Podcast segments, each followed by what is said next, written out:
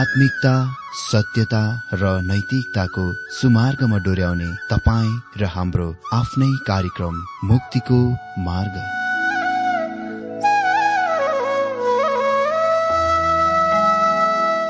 आदरणीय श्रोता यस मुक्तिको मार्ग कार्यक्रममा हार्दिक स्वागत छ आशा छ यस आत्मिक कार्यक्रमद्वारा जीवनमा आत्मिक आशिष अलौकिक शान्ति र आनन्द प्राप्त गर्नुहुनेछ। र जीवनमा धन्य अनुभव गर्नुहुनेछ। आउनुहोस् श्रोता। मन र आत्माको तयारीको लागि यो मिठो अनि मधुर भजन गीत सुनौ।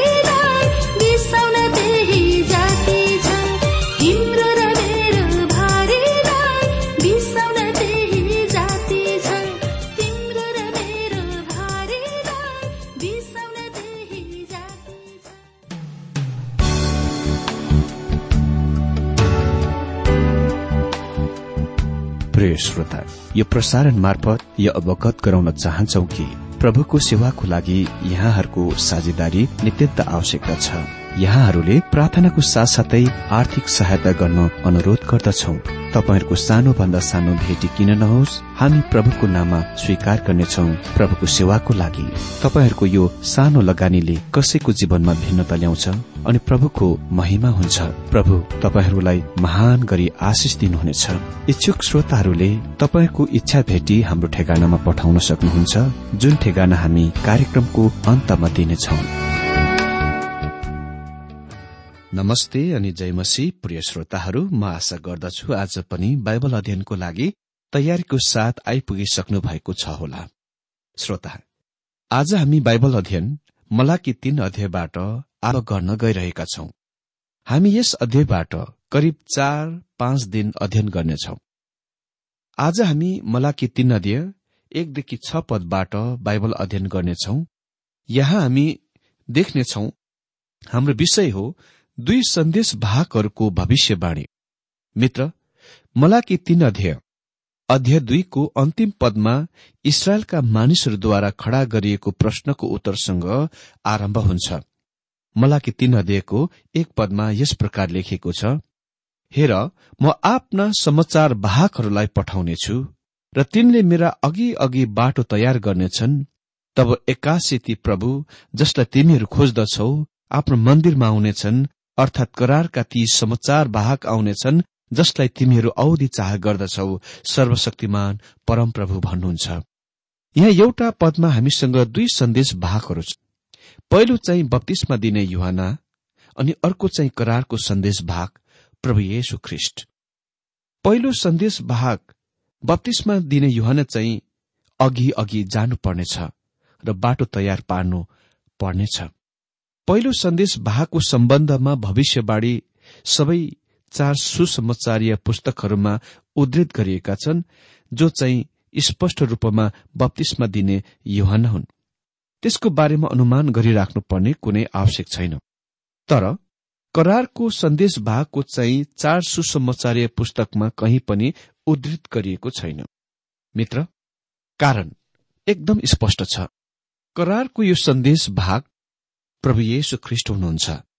तर यो अनुच्छेदले उहाँको पहिलो आगमन गर्नुपर्ने कुनै कुरो छैन। यो उहाँको अनुग्रहमा आगमन होइन उद्धारकको रूपमा होइन तर न्यायकर्ताको रूपमा। त्यो जनको रूपमा जसले आफ्ना राज्यको स्थापन गर्नुहुनेछ र यो पृथ्वीमा भएका सम्पूर्ण पाप र विद्रोह र भ्रष्टलाई नष्ट गर्नुहुनेछ। त्यस्तो व्यक्तिको रूपमा उहाँको यो आगमन हो। तपाईँले यादै होला। एकपल्ट उहाँले एकजना मानिसलाई भन्नुभयो लुका बाह्र देखको चौध पदमा हे मानिस कसले मलाई तिमीहरूमाथि न्यायकर्ता ठहरायो? उहाँ अहिलेसम्म न्याय गर्न आउनुभएको छैन। उहाँ पहिलोपल्ट उद्धार गर्न आउनुभयो। उहाँ अनुग्रह ल्याउन आउनुभयो। सरकार ल्याउन होइन। उहाँ उद्धारकर्ताको रूपमा आउनु भएथ्यो तर सत्ताको रूपमा होइन। हजुर म ती सुसमाचारका पुस्तकहरूको अनुच्छेदहरूको पल्टाउन चाहन्छु जुनले यस पदलाई बत्तीसमा दिने युहानको संकेतमा उद्धृत गरिएको छ। यो पहिलो चाहिँ मती एघार अध्यय नौ र दश पदमा छ। तर तिमीहरू के हेर्न गयौ त? के भविष्य वक्तालाई अ म तिनीहरूलाई भन्दछु भविष्य वक्ता भन्दा महानलाई। किनकि यिनी तिनै हुन् जसको विषयमा यो लेखिएको छ हेर म आफ्ना दूतलाई तिम्रो सम्मुख पठाउँछु जसले तिम्रो अघि अघि तिम्रो बाटो तयार पार्नेछ।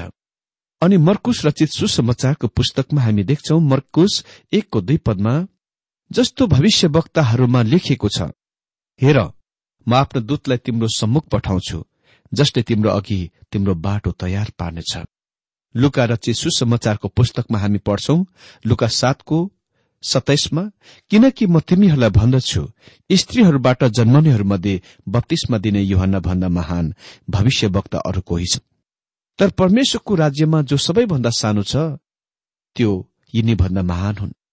अनि अन्तिममा युहन्ना एक अध्ययको तेइस पदले रेकर्ड गर्छ तब तिनीहरूले उहाँलाई भने तिमी को हौ त? र हामीलाई पठाउनेहरूलाई हामी भन्न सकौं।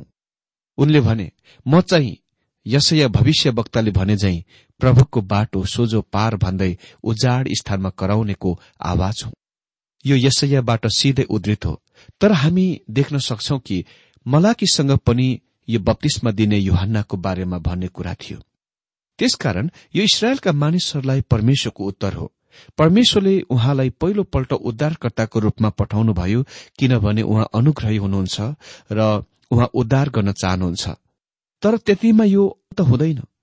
उहाँ फेरि करारको सन्देश भागको रूपमा आइरहनु भएको छ। यसको अर्थ हो उहाँ पृथ्वीमा दण्ड र न्याय गर्न आउनुहुनेछ। यदि तपाईँ मलाई यस कुरामा चित बुझाउन सक्नुहुन्छ कि परमेश्वर पापको दण्ड दिने इरादा गर्नुहुन्न र उहाँ पापीहरूलाई आज तिनीहरूका अन्यसँग बिना दण्ड उम्कन दिन इरादा गर्नुहुन्छ तब म खुलस्त र स्पष्ट रूपमा भन्छु। म आफ्नो पीठ उहाँका थिएँ तर उहाँले यो एकदम स्पष्ट पार्नुभयो कि उहाँले मानव जातिलाई न्याय गर्न इरादा गर्नुहुन्छ।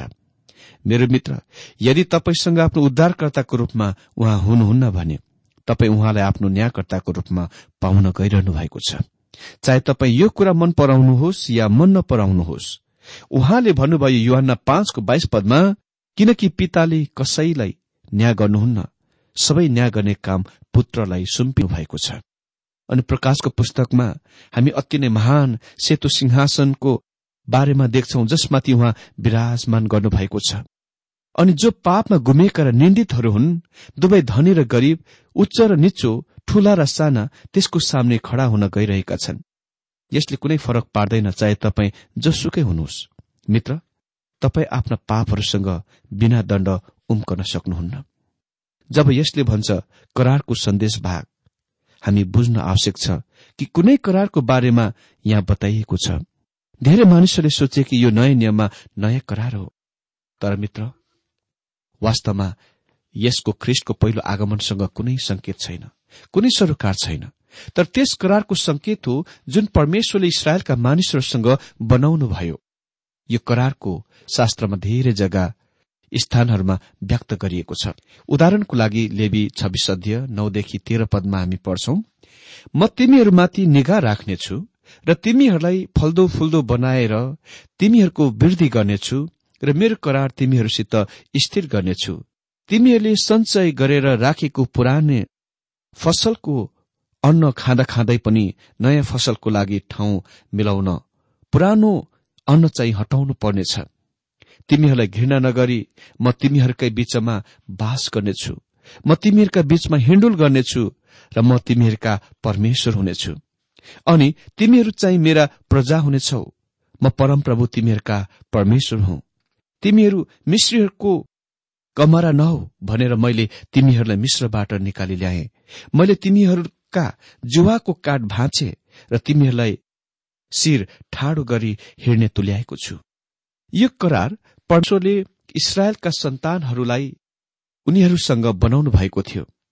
तपाईँ व्यवस्थाको पुस्तकमा यसको पुष्टि गर्नुभएको पाउनुहुनेछ जुन व्यवस्थामा पुस्तक चाहिँ मसक व्यवस्थाको पुष्टिकरण र यससँग तिनीहरूको चालिस वर्षको अनुभव हो। व्यवस्था चार अध्ययको तेज पदले भन्छ सावधान रह। परमप्रभु तिमीहरूका परमेश्वरले तिमीहरूसित गर्नुभएको करार नभूल। र उहाँले निषेध गर्नुभएको कुनै पनि कुराको प्रतिमा तिमीहरूले नबनाऊ। निश्चय नै इसरायलले उही कुरा गरे जुन उहाँले नगर्न सक्त मना गर्नुभएको थियो। तिनीहरू प्रतिमा पूजामा गएथे त्यसकारण मलाकीले हामीलाई भन्छन् कि करारको सन्देश भाग यो करारको पूरा गर्न असल बनाउन आइरहनु भएको छ। परमेश्वर तिनीहरूका बीचमा बास बस्नुहुनेछ। अनि यो नै कारण हामी मलाकी तीन अध्यायका यलो पदहरूमा शुद्धिकरण र पवित्रकरणहरूको पाउँछौ जुनले पछिबाट त्यस बेला स्थान लिनेछ। परमेश्वर तिनीहरूको बीचमा हिँडुल गर्न रहनुहुने छैन जबसम्म तिनीहरू उहाँप्रति आज्ञाकारी हुँदैनन्। जबसम्म उहाँले तिनीहरूलाई शुद्ध र पवित्र गर्नुहुन्न। अनि यो आज कुनै ख्रिस्टियन कामको लागि पनि बिल्कुल सत्य हो। प्रभु जसलाई तिमीहरू खोज्दछौ। हजुर। यो केवल प्रभु येशु ख्रिस्ट हुनुहुन्छ जो शरीरमा अवतारित परमेश्वर हुनुहुन्छ। तब एक्कासी ती प्रभु जसलाई तिमीहरू खोज्दछौ आफ्नो मन्दिरमा आउनुहुनेछ। यसको मतलब यो होइन कि उहाँ आफ्नो मन्दिरमा तुरन्तै आउनुहुनेछ। तर जब उहाँ त्यहाँ आउनुहुनेछ त्यो एक्कासी हुनेछ। एकजना मानिसले मलाई भनेथे तपाईँ स्वर्गीय यात्रा ऱ्याप्चरको बारेमा कुरा गर्नुहुन्छ जुनमा प्रभुले संसारबाट मण्डलीलाई उठाइ लैजाने हुनेछ। अँ जब त्यसले स्थान लिन्छ र उहाँले मण्डलीलाई हटाउनुहुन्छ र म तिनीहरूलाई पृथ्वी छोडिरहेको देख्छु तब म क्रिस्टलाई ग्रहण गर्नेछु। तर मैले भने त्यो अति नै अवेर हुनेछ। किनभने उहाँले पृथ्वीबाट मण्डलीलाई उठाई हटाई लैजानको कारण यो हो कि त्यो एकदम पूरा भएको छ। र तपाईँ त्यस बेला मण्डलीको एक भाग वा अंश बन्न योग्य हुनुहुने छैन? तपाईँले त्यस बेला ख्रिस्टलाई ग्रहण गर्नु भए तापनि महाक्लेशमा भएर जानुहुन्छ। तर मेरो विचारमा त्यस समयसम्म पर्खन्न मूर्ख हुनुहुन्छ। तर मेरो विचारमा त्यस समयको सम्म पर्खन मूर्ख हुनुहुन्छ। उहाँलाई प्रभु भनिएको छ। यो उहाँको मन्दिर हो र उहाँ करारको सन्देश भाग हुनुहुन्छ। नयाँ नियममा त्यस व्यक्ति जसलाई हामीले प्रभु येशु ख्रिस्टको रूपमा जान्दछौ पुरानो नियममा करारको दूत हुनुहुन्छ। दुई पदमा भनिएको छ। दुई पदमा तर उहाँको आउने दिनमा को उभिन सक्छ र? उहाँ देखा पर्नुहुँदा को खड़ा हुन सक्छ र? किनकि उहाँ सुनारको आगो र धोबीको साबुन जस्तै हुनुहुन्छ। मित्र हामी जान्दछौ कि मलाकीले यहाँ ख्रिस्टको दोस्रो आगमनको संकेत गर्छन्। किनभने यहाँ दृश्यमा दण्ड छ। के तपाईँ सुन्नु भयो? तर उहाँको आउने दिनमा को उभिन सक्छ? के तपाईँले सुन्नुभयो?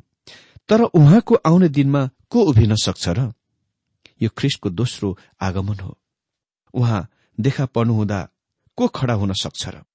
किनकि उहाँ सुनारको खार्ने आगो जस्तै हुनुहुन्छ। खार्ने शुद्ध गर्ने प्रक्रियामा धातुलाई रातो आगोको ज्वालामा हालिन्दछ र यो पग्लन थाल्छ र धातुको मैला बाहिर निस्कन्छ र अन्त्यमा धातु एकदम शुद्ध बनाइन्छ। अनि धोबीको साबुन जस्तै हुनुहुन्छ। मित्र उहाँले शुद्ध गर्न र सफा गर्न इरादा गर्नुहुन्छ। जब यो पृथ्वीमा उहाँले हजार वर्ष राज्यको स्थापन गर्नुहुनेछ त्यहाँ कुनै प्रकारको प्रदूषणहरू हुने छैन। तीन पदमा भनिएको छ तीन पदमा उहाँ चाँदी खाने र सफा गर्ने जस्तै गरी बस्नुहुनेछ।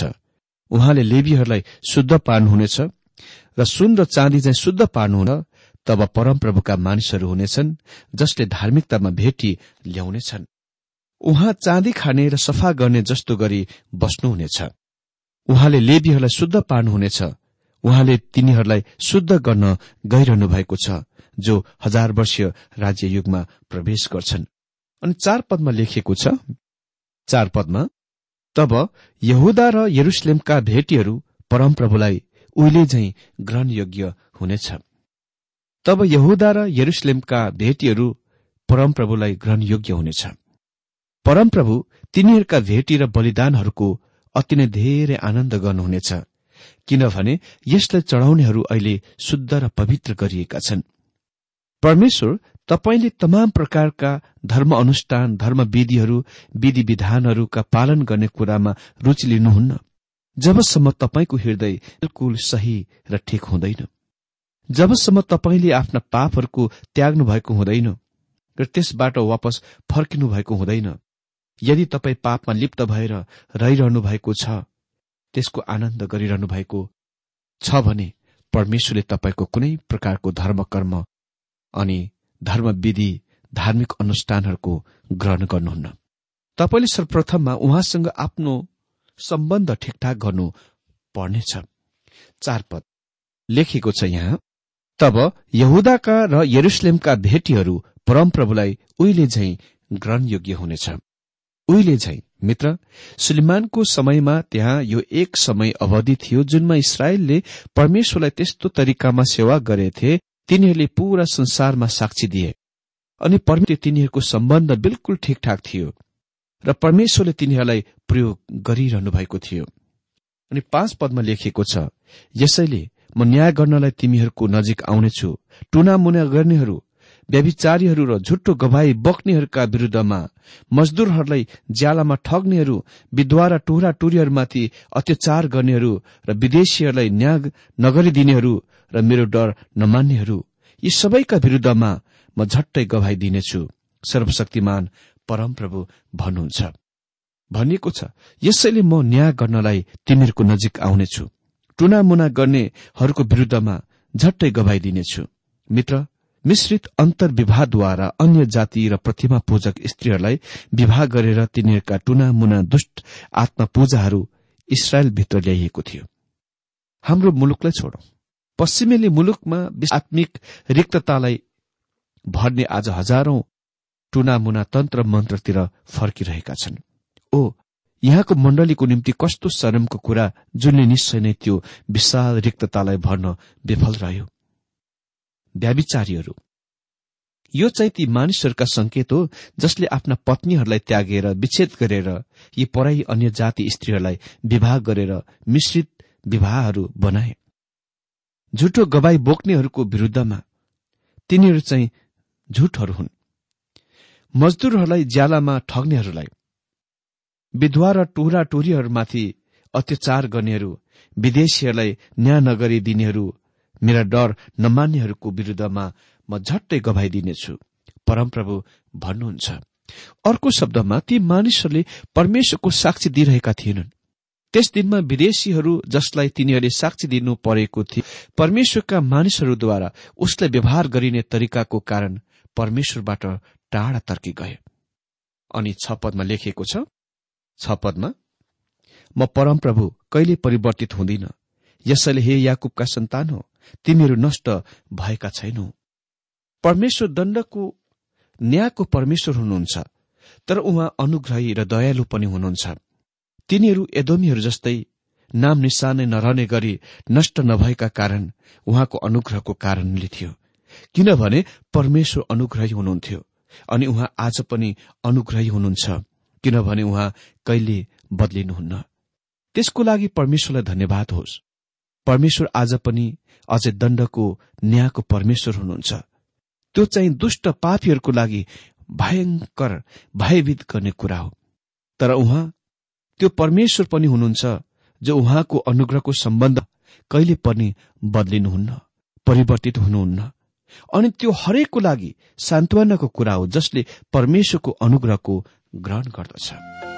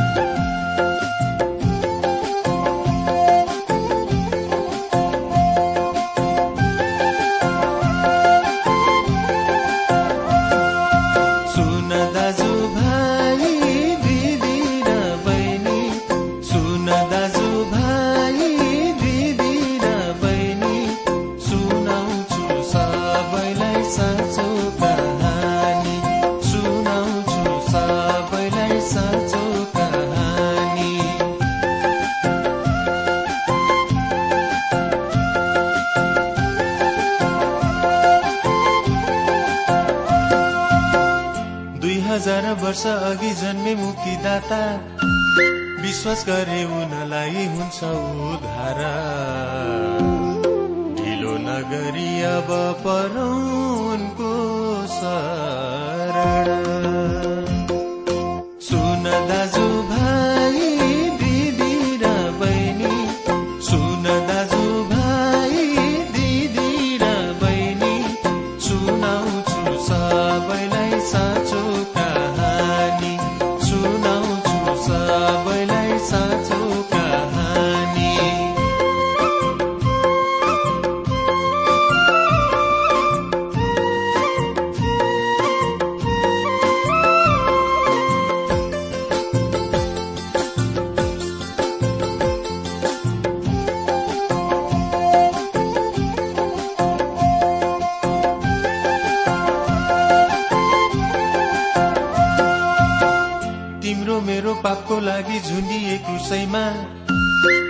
पछि बौरी उठे मृत्यु जितिकन।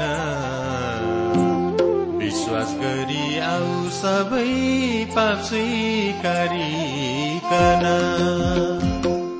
सुन दाजु भाइ।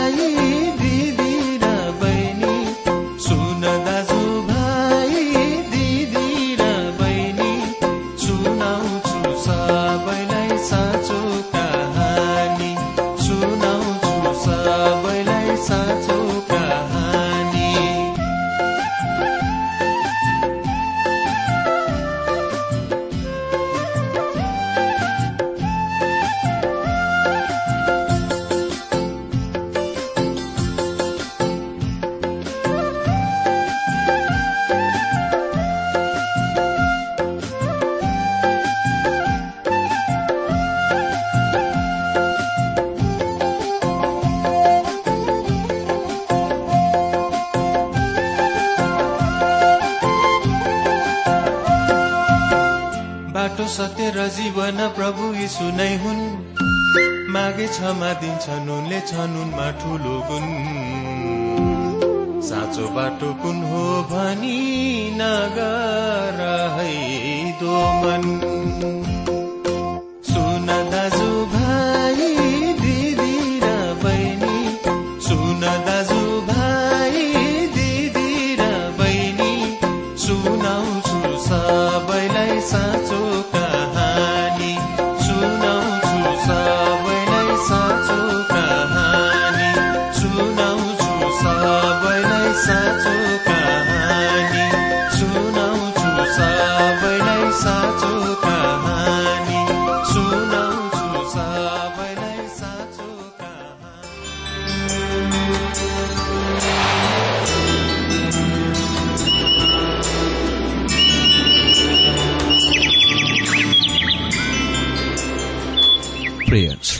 अहिले भर्खरै तपाईँले टीडब्ल्यूआर नेपालद्वारा सञ्चालित आत्मिक कार्यक्रम मुक्तिको मार्ग सुनिरहनु भएको थियो। श्रोता आजको यो कार्यक्रम सुनेर तपाईँलाई कस्तो लाग्यो? यदि यो कार्यक्रम सुनेर मनमा कुनै खुल्दुली वा कुनै प्रतिक्रिया अर्थात सुझावहरू छन् भने हामीलाई पत्रद्वारा लेख्न सक्नुहुनेछ। हामी हृदयदेखि नै स्वागत गर्नेछौ स्वीकार गर्नेछौ साथै बाइबल सम्बन्धित प्रचारहरू कार्यक्रम सारणीहरू हामी अनुरोधमा पठाउन सक्छौ। अनि तपाईँसँग कुनै प्रार्थनाको विषय छन् भने हामीले तपाईँको लागि प्रार्थना गरेको चाहनुहुन्छ भने प्रभुमा आफ्नै परिवार सम्झेर हामीलाई पत्रमा लेख्न सक्नुहुनेछ। तपाईँको लागि हामी प्रभु येशुसँग प्रार्थना गर्नेछौ। अधिक जानकारी र पत्रचारको लागि हाम्रो ठेगाना यस प्रकार छ। कार्यक्रम मुक्तिको मार्ग जीपीओ नम्बर उनानब्बे पचहत्तर इपिसी पच्चिस एकसठी काठमाडौँ। ठेगाना एकपल्ट सुन्नुहोला। कार्यक्रम मुक्तिको मार्ग जीपीओ नम्बर उनानब्बे पचहत्तर इपिसी पच्चिस एकसठी काठमाडौँ। हाम्रो इमेल एड्रेस हो TWR Nepal at Yahoo dot com साथै यस नम्बरमा एसएमएस गर्न सक्नुहुनेछ। अन्ठानब्बे चार सत्तरी पैतिस छ सय उनासी नौ आठ चार सात जिरो तीन पाँच छ सात नौ। हुन्छ श्रोता आजलाई हामी बिदा चाहन्छौ। अर्को कार्यक्रममा हामी पुनः भेट्नेछौ तबसम्मलाई नमस्कार।